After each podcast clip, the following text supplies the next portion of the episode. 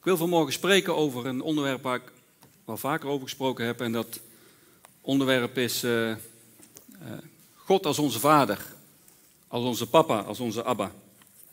Mooi onderwerp, vind ik zelf. Ook fijn om te overdenken in, uh, mocht u vakantie hebben de komende tijd. Of u nu weggaat of thuis blijft, maakt niet zoveel uit. Maar het is goed om tijd te nemen om te overdenken wie en wat God voor u is. En u ook te verdiepen in uh, het onderwerp, zomaar te zeggen, dat God een vader voor u wil zijn, een papa. Iemand die van u houdt, iemand die voor u zorgt, iemand die er altijd voor u is en die het beste met u voor heeft. Is goed om te doen. En daar gaan we het vanmorgen ook over hebben. Ik wil een paar teksten met u lezen, drie korte teksten voor dit onderwerp. Ze worden ook geprojecteerd. Misschien kunt u het opzoeken in uw Bijbel. Is altijd goed. Kunt u meteen checken of het klopt. En ik wil u vragen om op te staan zodat we samen het woord van God uh, openen. Vader in de hemel, we staan hier voor u, Heer, en we weten en geloven dat u hier in ons midden bent. Heer, en dat hebben we nodig. Die zekerheid dat u in ons midden bent. Die zekerheid dat u ons ziet, dat u ons hoort, dat u ons voelt, dat u bij ons bent en met ons bent. Heer, we gaan uw woord openen. U bent het levende woord. Heer, en we willen leven ontvangen van u en van u alleen. En we bidden, Heer, dat u ons vanochtend zult voeden met uw woord. Heer, dat u de woorden die van ons, ja, op ons van toepassing zijn, die we nodig hebben, dat u die zult oplichten in ons hart. Dat u ons daar opmerkzaam op zult maken en dat we ze mee naar huis zullen nemen en in ons hart zullen bewaren en er iets mee doen. Heer, we verwachten het enkel en alleen van u. In Jezus' naam. Amen. De eerste tekst is in Galaten hoofdstuk 4. Dat is in het Nieuwe Testament na de Evangelie, de Handelingen, Romeinen, Corinthiërs en dan Galaten. Galaten hoofdstuk 4, vers 4. 4 tot en met 6. Maar toen de tijd gekomen was, zond God zijn zoon, geboren uit een vrouw en onderworpen aan de wet maar gezonden om ons vrij te kopen van de wet, opdat wij zijn kinderen zouden worden. En omdat u zijn kinderen bent, heeft God ons de geest van zijn zoon gegeven, die Abba, vader, roept. Dan gaan we naar Johannes hoofdstuk 1. Iets terug in uw Bijbel. Johannes hoofdstuk 1, vers 10 tot en met vers 12.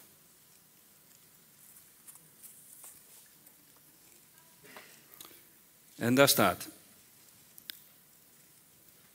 Het woord was in de wereld. De wereld is door hem ontstaan en toch kende de wereld hem niet. Hij kwam naar wat van hem was. Maar wie van hem waren, hebben hem niet ontvangen. Wie hem wel ontvingen en in zijn naam geloven, heeft hij het voorrecht gegeven om kinderen van God te worden. En de laatste tekst, 1 Johannes, hoofdstuk 3. Dat is meer aan het einde van uw Bijbel. Hebreeën, Jacobus, Petrus en dan 1 Johannes. Hoofdstuk 3, vers 1 en 2.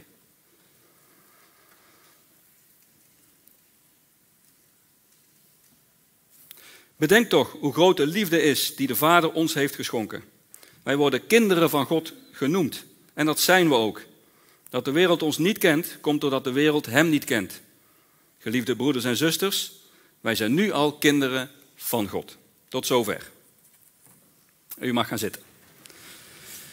De laatste twee teksten die we gelezen hebben zijn geschreven door Johannes, de apostel Johannes. Zeer waarschijnlijk is, hij, is het dezelfde Johannes die zowel het evangelie als deze brieven geschreven heeft.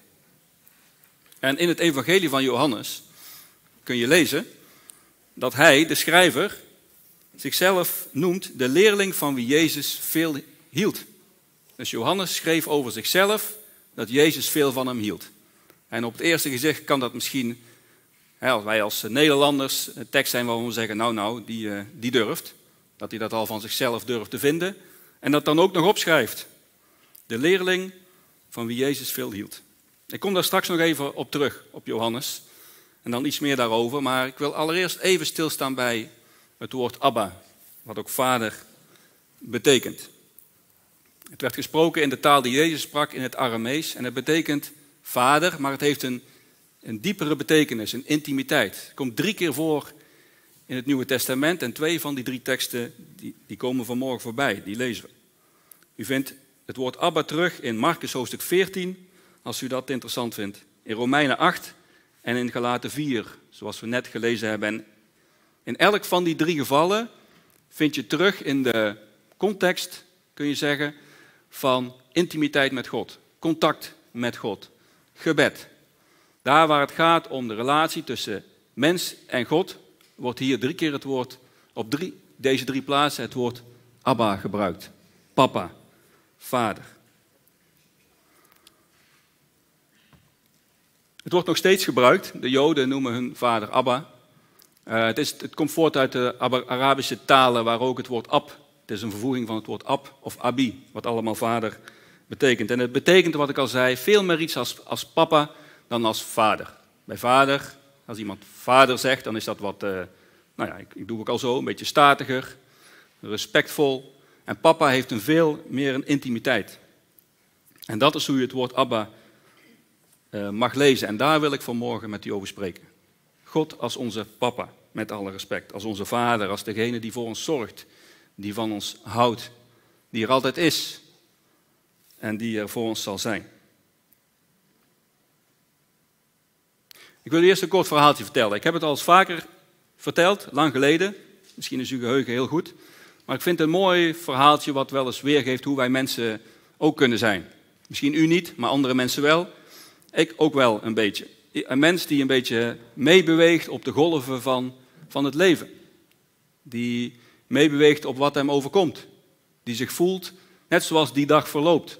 Als het hem goed gaat, voelt hij zich geweldig.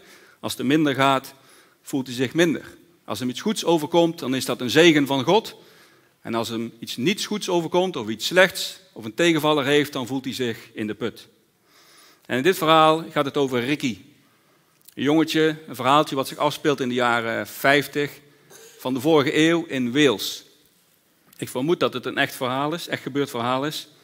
Maar goed, als u het verhaal hoort, dan herkent u het misschien ook wel voor uzelf of mensen in uw omgeving.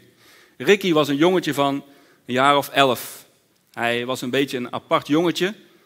Eh, dat vond hij zelf ook. Hij had weinig uh, gevoel van eigenwaarde. Hij vond zichzelf niks. Hij had ook weinig vrienden. Hij voelde zich vaak zwak. Had het idee dat uh, niemand hem mocht, dat hij uh, verlaten was. En hij dwaalde vaak door de, de weilanden en de velden zoals je die daar in Wales en Schotland hebt. En hij voelde zich in de put. Hij kon niks. Niets lukte. Niets kwam uit zijn handen. Niemand zag hem. Ja, waarom was hij er eigenlijk? En hij loopt daar dit te denken en opeens ziet hij een eh, wilde kalkoen. Die ziet hij daar zitten in de bosjes. En hij denkt, wauw, zo'n kalkoen, als ik die toch eens zou kunnen vangen en die mee naar huis kon nemen, dan zou ik helemaal de man zijn. Dan kwam ik daar met die kalkoen het dorp binnen en iedereen zou mij zien en tegen mij opkijken. Want kijk eens wat hij gedaan heeft. En ik zou eten hebben voor, mijn hele, voor zijn hele uh, familie. Maar ja, denkt Ricky, uh, dan moet ik waarschijnlijk uren achter die kalkoen aan gaan jagen. En de kans dat ik hem vang is erg klein. Maar hij loopt daar naartoe en hij ziet dat die kalkoen gewond is.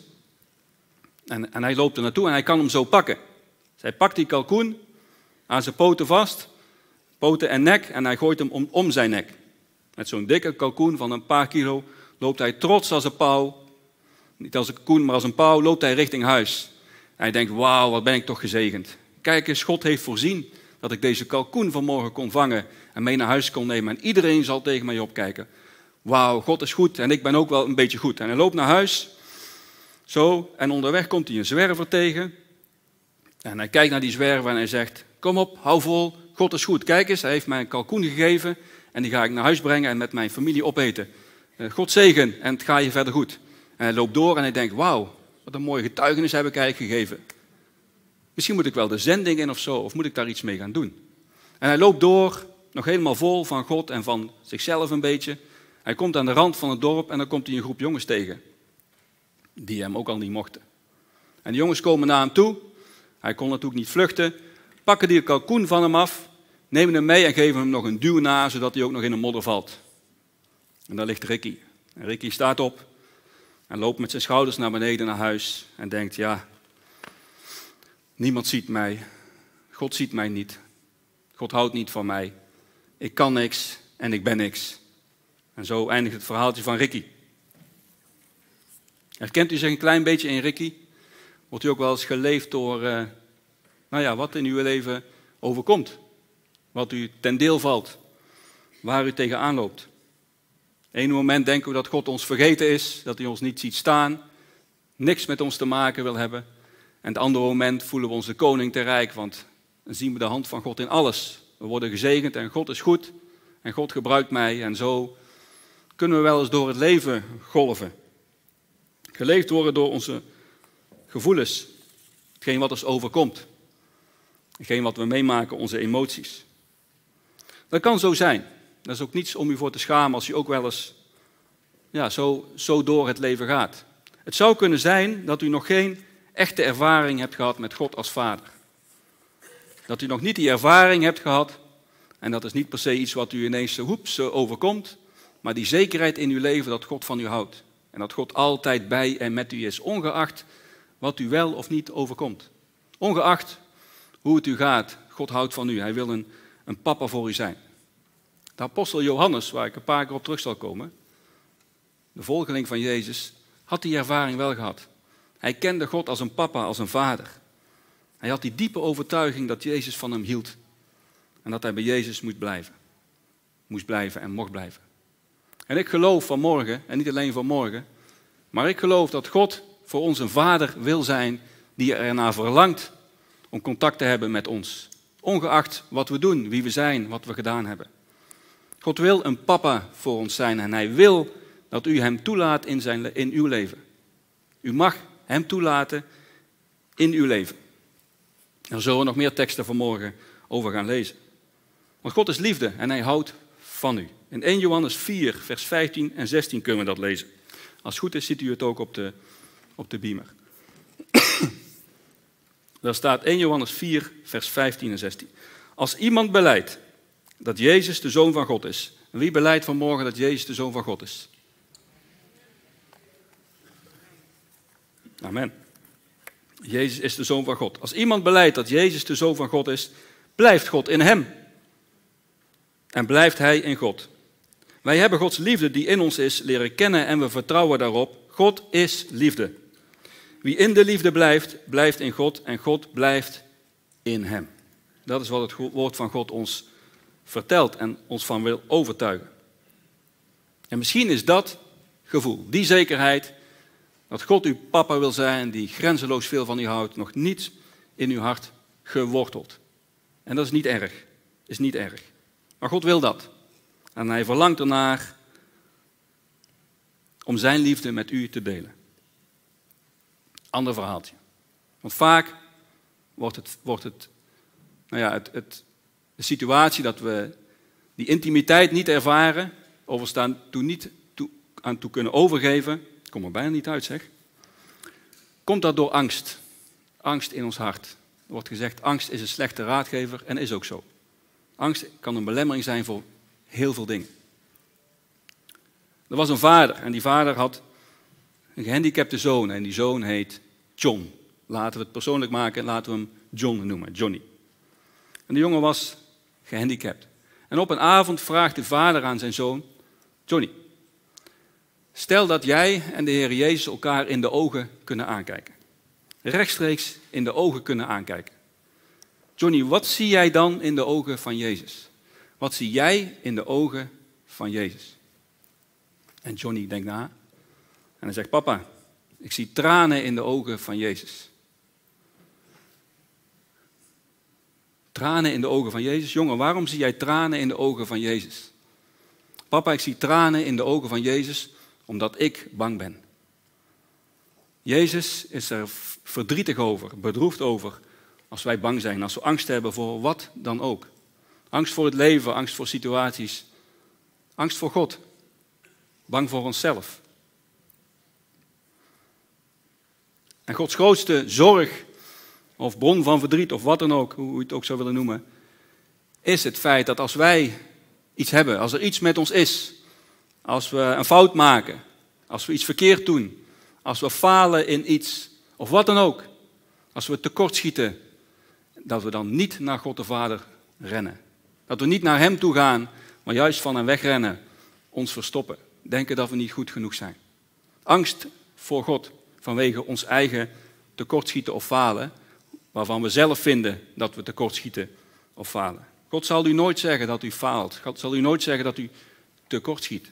God houdt van u, maar hij heeft er verdriet van als wij niet naar hem toe rennen.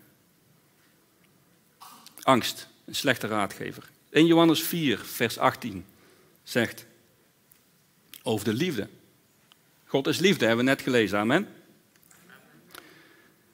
De liefde laat geen ruimte voor angst. Volmaakte liefde sluit angst uit, want angst veronderstelt straf.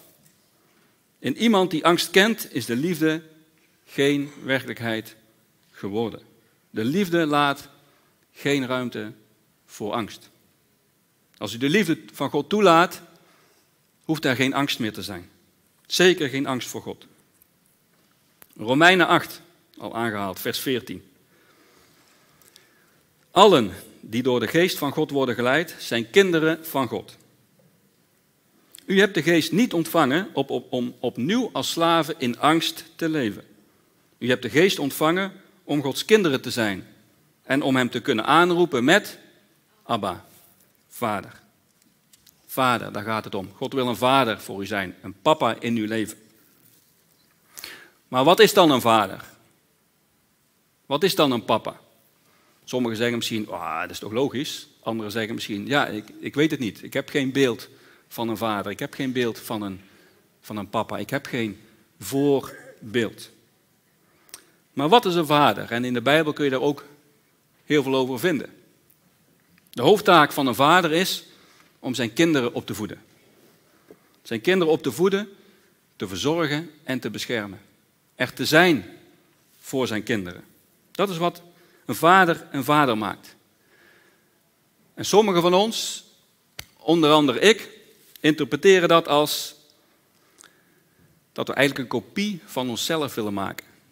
We zouden graag willen dat onze kinderen precies zo worden als wij.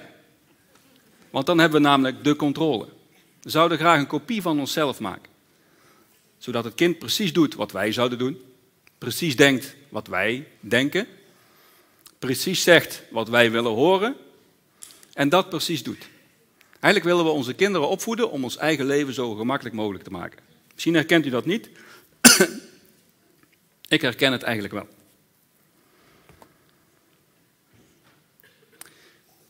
Nou is het zo dat dat bij de meesten niet zo loopt zoals we dat zouden willen. Of je nu wel of geen kopie van jezelf wilt maken voor je kinderen, of, of wat anders in gedachten hebt in je opvoeding.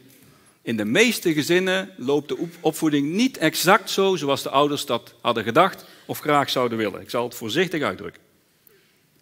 Met de meeste komt het uiteindelijk allemaal wel oké. Want opvoeden en opgevoed worden heeft te maken met vertrouwen geven en vertrouwen krijgen. En voor ouders heeft dat ook vaak te maken met loslaten. Je kinderen meegeven wat je kunt, wat de Bijbel je leert, wat je zelf is aangeleerd. Je kinderen opvoeden op de best mogelijke manier zoals je dat kunt. In de vrezen van God, zoals de Bijbel dat zei. Dat is niet leren dat die kinderen bang moeten zijn van God, maar dat ze rekening mogen en moeten houden met God in hun leven. Dat ze God mogen herkennen en zoeken in hun leven. En dat lukt niet altijd zo, zoals wij dat graag zouden willen. In mijn gezin doet niet iedereen precies wat ik graag zou willen. Mijn kinderen doen niet altijd precies zoals ik het zou willen. Mijn vrouw ook niet trouwens. Ze is nu weg. Zie je? En ik had nog zo gezegd blijven zitten. Bij mij, bij mij thuis gebeurt dat niet. Bij u waarschijnlijk wel, hè? Uw vrouw en uw kinderen doen precies zoals u, wat u zou willen. Waar of niet?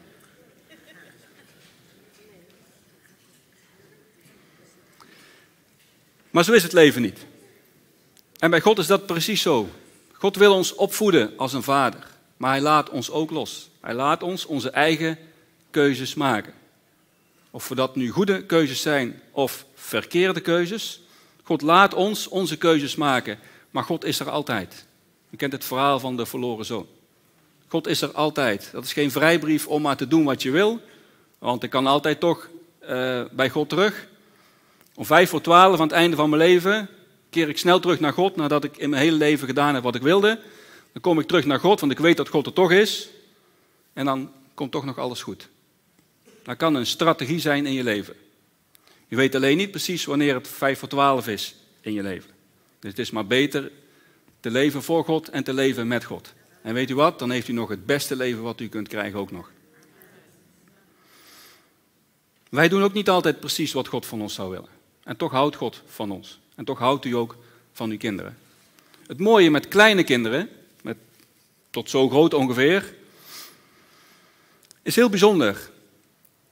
Als kleine kinderen, als je die moet uh, straffen, dat is een gevaarlijk woord tegenwoordig, als je ze wilt corrigeren of iets wilt leren, soms zet je ze dan in de hoek als ze niet doen wat je wil. Je zet ze in de hoek of je stuurt ze naar de kamer en dan denken we dat dat wel een oplossing is. En soms is dat zo. Soms word je boos op je kinderen. Het, het, nou ja, het interessante van kleine kinderen is dat hoe boos wij ook worden. Stel dat we ze naar de kamer sturen. En ga naar je kamer. En ze komen tien minuten later, mogen ze van de kamer af. En je staat ze onderaan de trap eh, op te wachten. Niet om ze een ruimte oren te geven, maar om ze op te wachten. En stel dat je dan met je armen wijd gaat staan. Wat gebeurt er dan? Dan springt het kind van vijf treden op de trap, springt in je armen. Dat gebeurt. Dat doen kinderen. Zij zijn dat vergeten en misschien zijn ze het niet vergeten, maar ze weten, mijn papa of mijn mama, die zijn er voor mij. En wat er ook gebeurt, ze zullen in je armen springen. Dat is wat kleine kinderen doen en dat is bijzonder, want dat gaat over namelijk. De ene kant is dat goed. als je puberkinderen hebt, die wil je niet meer dat ze vanaf de trap in je armen springen. Maar dat is niet de reden. Er verandert iets in hun levens, in ons aller levens. Dat we niet meer zijn zoals kleine kinderen, die in de armen van papa springen. Omdat papa van mij houdt, papa er voor mij is en papa het beste voor mij wil. Want dat is wat een vader een papa maakt. Toch?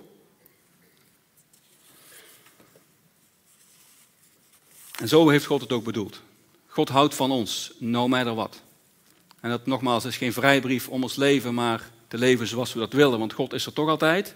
Nee, maar als we een fout maken, een verkeerde keuze maken of wat dan ook, dan is God daar altijd om ons te ontvangen met zijn armen open. Om ons te vergeven en te leren hoe we het de volgende keer beter kunnen doen. Want dat is wat God in ons heeft gelegd als, om een papa te zijn, een vader te zijn. En dat kan zijn voor je kinderen, dat kan zijn voor andere mensen. Dat geldt ook voor mama's en voor moeders. Allemaal zijn wij vaders en moeders voor iemand. En zo heeft God het ook bedoeld. ik zeg al, op, bij jonge kinderen, kleine kinderen, gaat het allemaal heel natuurlijk. Bijvoorbeeld wat ik net aangaf. Hartstikke prima. Maar als kinderen opgroeien, opgroeien en wat ouder worden, dan krijgen ze ineens een mening. Dan krijgen ze een eigen mening. En dat gaat niet meer over. Dus ik heb het echt niet alleen tegen kinderen vanmorgen, er zijn niet zoveel kinderen, tieners wel. Ik heb het ook tegen volwassenen. Wij krijgen een mening. En dan doet onze mening iets met het vertrouwen in onze Vader. Dat kan zijn onze aardse Vader, maar ook onze hemelse Vader. Ook daar hebben wij vaak een mening over wat God zou moeten vinden of doen. Zo zijn wij.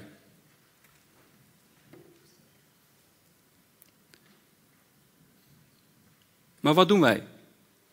Misschien heb ik het antwoord al gegeven. Springen wij in zijn armen? Rennen wij naar Jezus toe op het moment dat we een fout maken, een verkeerde keuze maken. Op het moment dat we in de put zitten. Op het moment dat we een Ricky zijn. Op het moment dat we een Johnny zijn. Op het moment dat we, vul die eigen naam erin. Wat doen we in die situaties? Rennen we naar God? Of lopen we bij hem weg? Verstoppen we ons voor hem? Misschien heeft u helemaal niet zo'n goede ervaringen met uw aardse vader. Misschien heeft u helemaal geen aardse vader gekend. Misschien heeft u een uh, geweldige vader in uw leven gehad. Kan van alles zijn. Maar God wil uw hemelse vader zijn. Hij wil er voor u zijn. Hij is er voor u. Ergens in de geschiedenis is het fout gegaan. Is er iets in ons geslopen waardoor wij af zijn geweken van God? En we kunnen dat lezen in de Bijbel en we hebben het al vaak gelezen. Ergens in de geschiedenis is er de slang in ons leven gekomen. Diezelfde slang die Eva verleidde en Adam tot zondige overhaalde. En wat gebeurde er? Wat gebeurde er? Het is, het is wat dat betreft een prachtig voorbeeld. Wat gebeurde er op het moment dat Adam zondigde? Hij verstopte zich. Hij wilde zich verstoppen. En wat deed de vader, wat deed God? Hij zocht hem op. Het kind zondigde en de vader zocht hem op. Interessant ook in de Bijbel te lezen is dat tot op dat moment de mens nog geen naam had. De naam Adam kwam pas iets later. Adam betekent ook mens. En God riep hem. God moest de mens roepen die hij tot op dat moment nooit hoefde te roepen, want ze waren altijd bij elkaar. God moest de mens roepen. En hij riep: Mens, waar ben je? Waar ben je? Misschien roept God ook wel eens naar u: Waar ben je? Waar ben je? Ik ben hier, waar ben jij?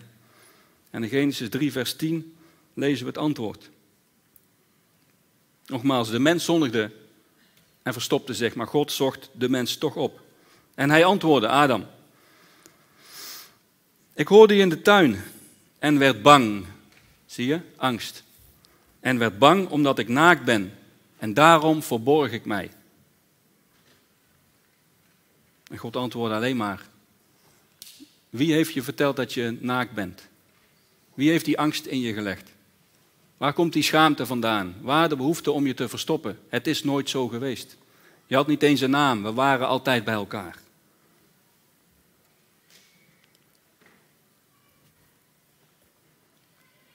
En misschien leven wij ook zo. Dat moment dat het er iets is, we fouten maken, zondigen misschien, dat we niet naar God toe rennen, maar ons juist voor Hem verstoppen, omdat we bang zijn, omdat we ons schamen, omdat we ons naakt voelen. Naakt, alleen. Zondig. Niet volledig kunnen begrijpen dat God een papa wil zijn die onder elke omstandigheid van ons houdt. En wil dat we bij Hem terugkomen, zodat Hij ons keren, zodat Hij ons kan kleden, ons kan verzorgen. Een papa voor ons zijn die grenzeloos veel van ons houdt. Een papa die niet klaar staat om alle onze fouten op te noemen. God houdt geen lijstje bij met al die fouten. Als u denkt dat God een boek heeft waarin u een pagina heeft waar al die fouten opgeschreven staan, vergeet het. Als u uw zonde beleidt, dan vergeeft God ze en vergeet Hij ze. Dan zijn ze weg, witter als sneeuw. We kunnen niet perfect zijn. We kunnen niet perfect worden.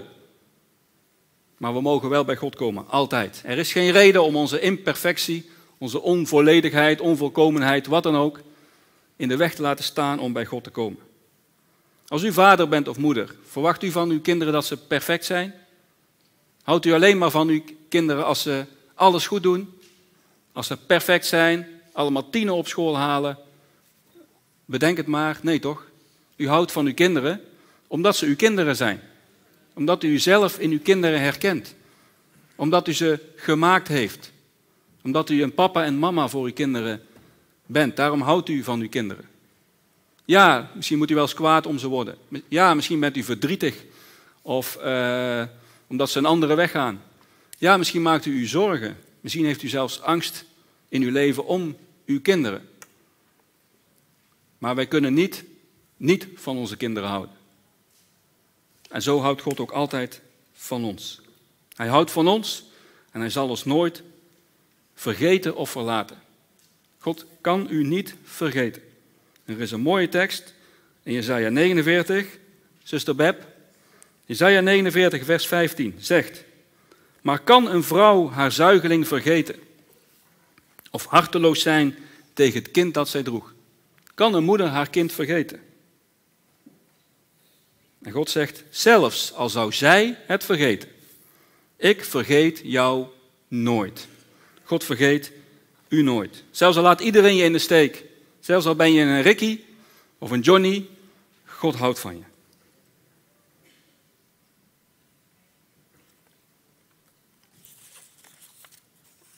Tijdje terug betrapte ik mezelf erop dat ik aan het bidden was. Ik betrapte me niet dat ik aan bidden was. Maar ik bad Uh, ik bad om meer liefde. Ik bad om meer liefde, uh, voor, ook voor de gemeente. En ik betrapte mezelf daarop dat ik vond dat het eigenlijk een hele vreemde vraag was. Ik wil het geen slecht gebed noemen, want ik vind een gebed is nooit slecht. Maar ik vond het een verkeerde vraag van mezelf aan God. Hoe kon ik nou vragen om meer liefde van een God die liefde is?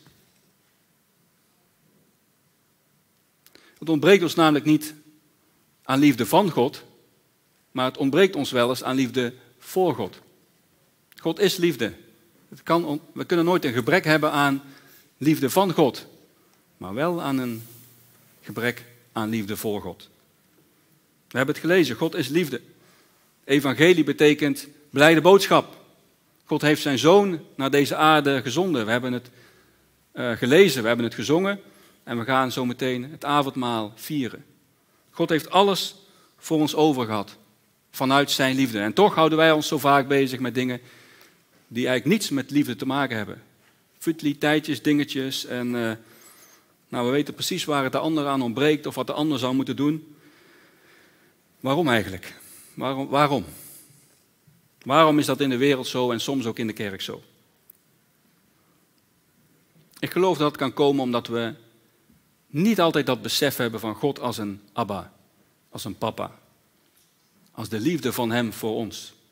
Want als we werkelijk zouden beseffen en ervaren hoe, hoeveel God van ons houdt, dan zouden wij die liefde ook uitdragen naar elkaar. En zouden we op andere dingen gaan letten, zouden we die liefde in elkaar aanwakkeren. Dus dat hebben we misschien nog te leren. Dat hebben we nog te ontdekken, te accepteren met name. Het is niet de vraag of God meer liefde aan ons kan of wil geven. God heeft al zijn liefde aan ons gegeven. Al zijn liefde. Hij is liefde en hij heeft al die liefde in ons uitgestort. Ik heb laatst al gezegd, God houdt van u het allermeest.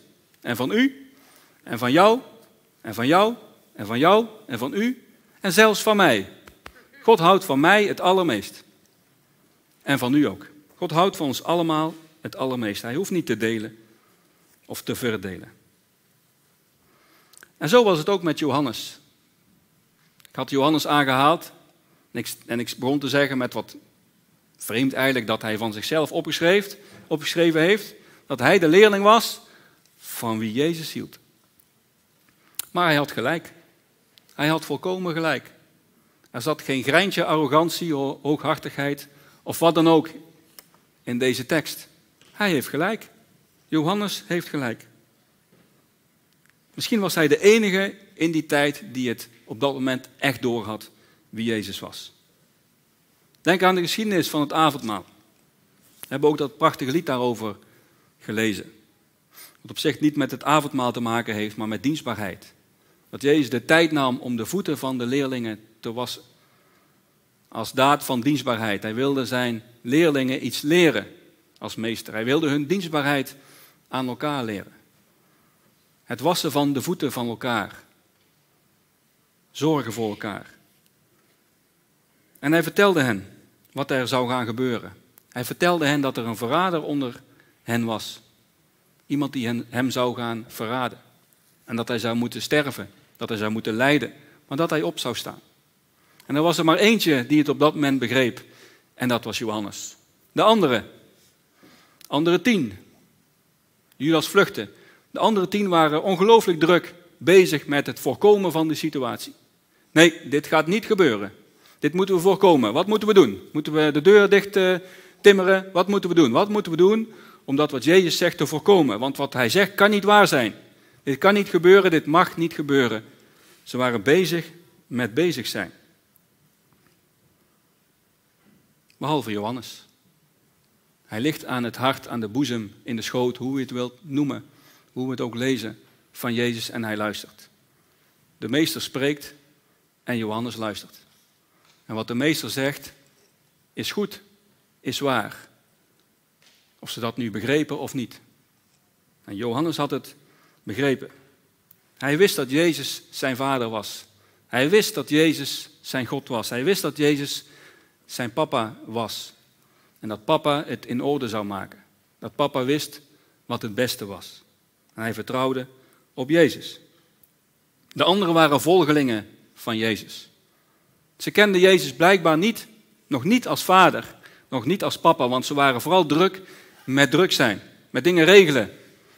Dingen regelen zodat Jezus zijn werk kon doen. Niks mis mee, prima. Maar ze waren zo druk met druk zijn dat ze niet de tijd namen, de aandacht hadden om Jezus te leren kennen. Om bij Hem te zijn, te leren van Hem. U kent het verhaal van Maria en Martha. Exact hetzelfde. Het is prima als we druk zijn, maar Jezus vindt het belangrijker dat we bij Hem zijn of van Hem te leren. Als u tegen uw kinderen praat, wilt u toch ook dat ze luisteren en het in zich opnemen. En niet druk zijn met andere dingen. U wilt toch ook niet dat uw kinderen alleen maar altijd druk zijn om het voor u maar goed te maken. Nee toch, u wilt dat uw kinderen naar u luisteren. Aandacht voor u hebben. Relatie hebben. Intimiteit. Johannes had het in de gaten. Jezus sprak ook over God als zijn Abba, als zijn vader. En dat was een van de redenen, of de reden, waarom de Joden hem wilden doden. Hoe kon het zijn dat hij sprak over God als zijn vader? God was God. En God was degene die we tevreden moesten houden. God moest op afstand benaderd worden en via de wetten konden we God gehoorzaam zijn. Liefde had daar niets mee te maken. En Jezus sprak over liefde en over God als zijn vader. En daarom moest hij sterven. We moeten rijpen in het begrijpen van God, heb ik het genoemd. We moeten leren om God te leren kennen. Rijpen in het begrijpen. Soms begrijpen we dingen niet en hebben we toch een mening. Soms kennen we een situatie niet en trekken we toch een conclusie. Soms kennen we mensen niet en hebben we er toch een oordeel over. Herkent u dat? Ik heb een ander voorbeeld. Ook dat heb ik al eens eerder uh, gebruikt. Het is zondagochtend. Ergens in een stad.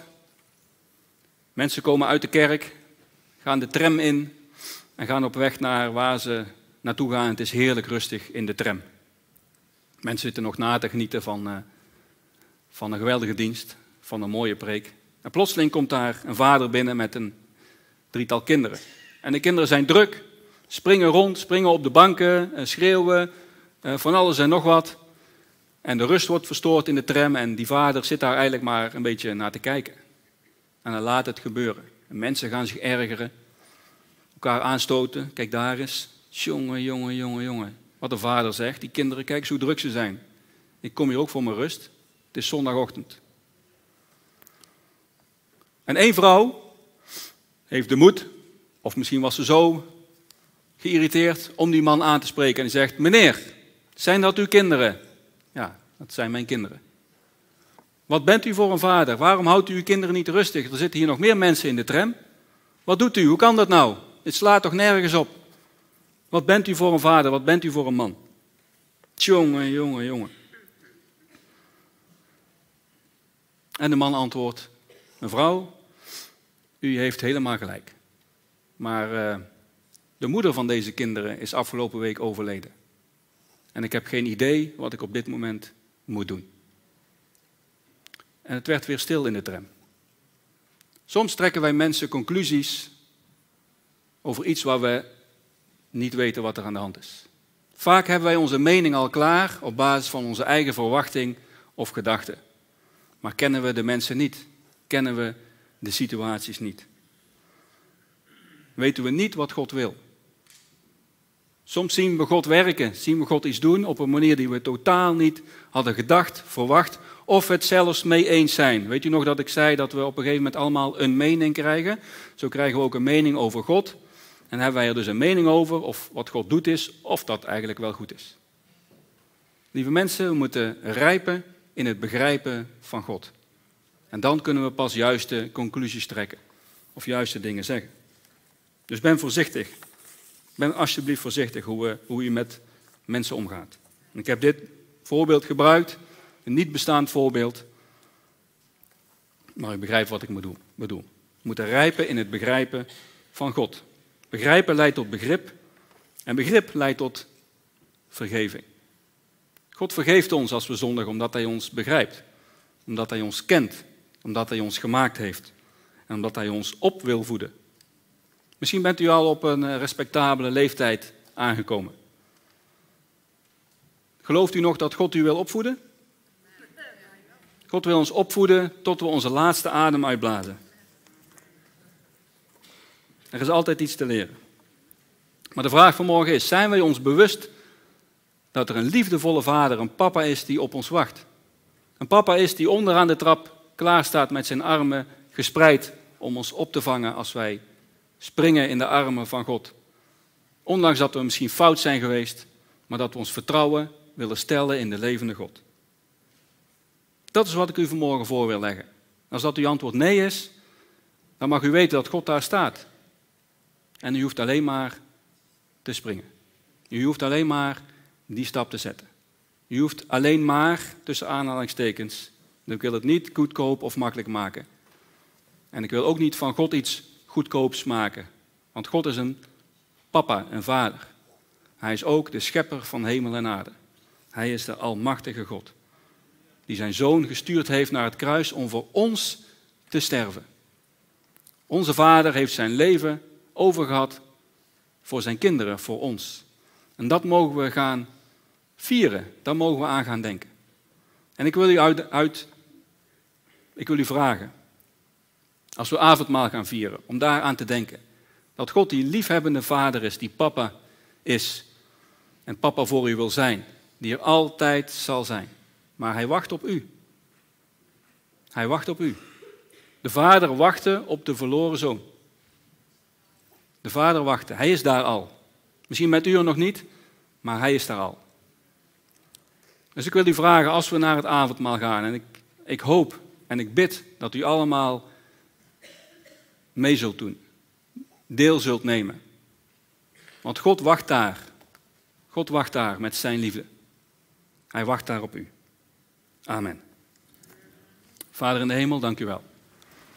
U bent een goede God. U bent een machtige en een almachtige God. Heer, u heeft de hemel en de aarde gemaakt. U sprak en het was er. U heeft de autoriteit. U bent de autoriteit. Er is niets boven u. Er is niets naast u.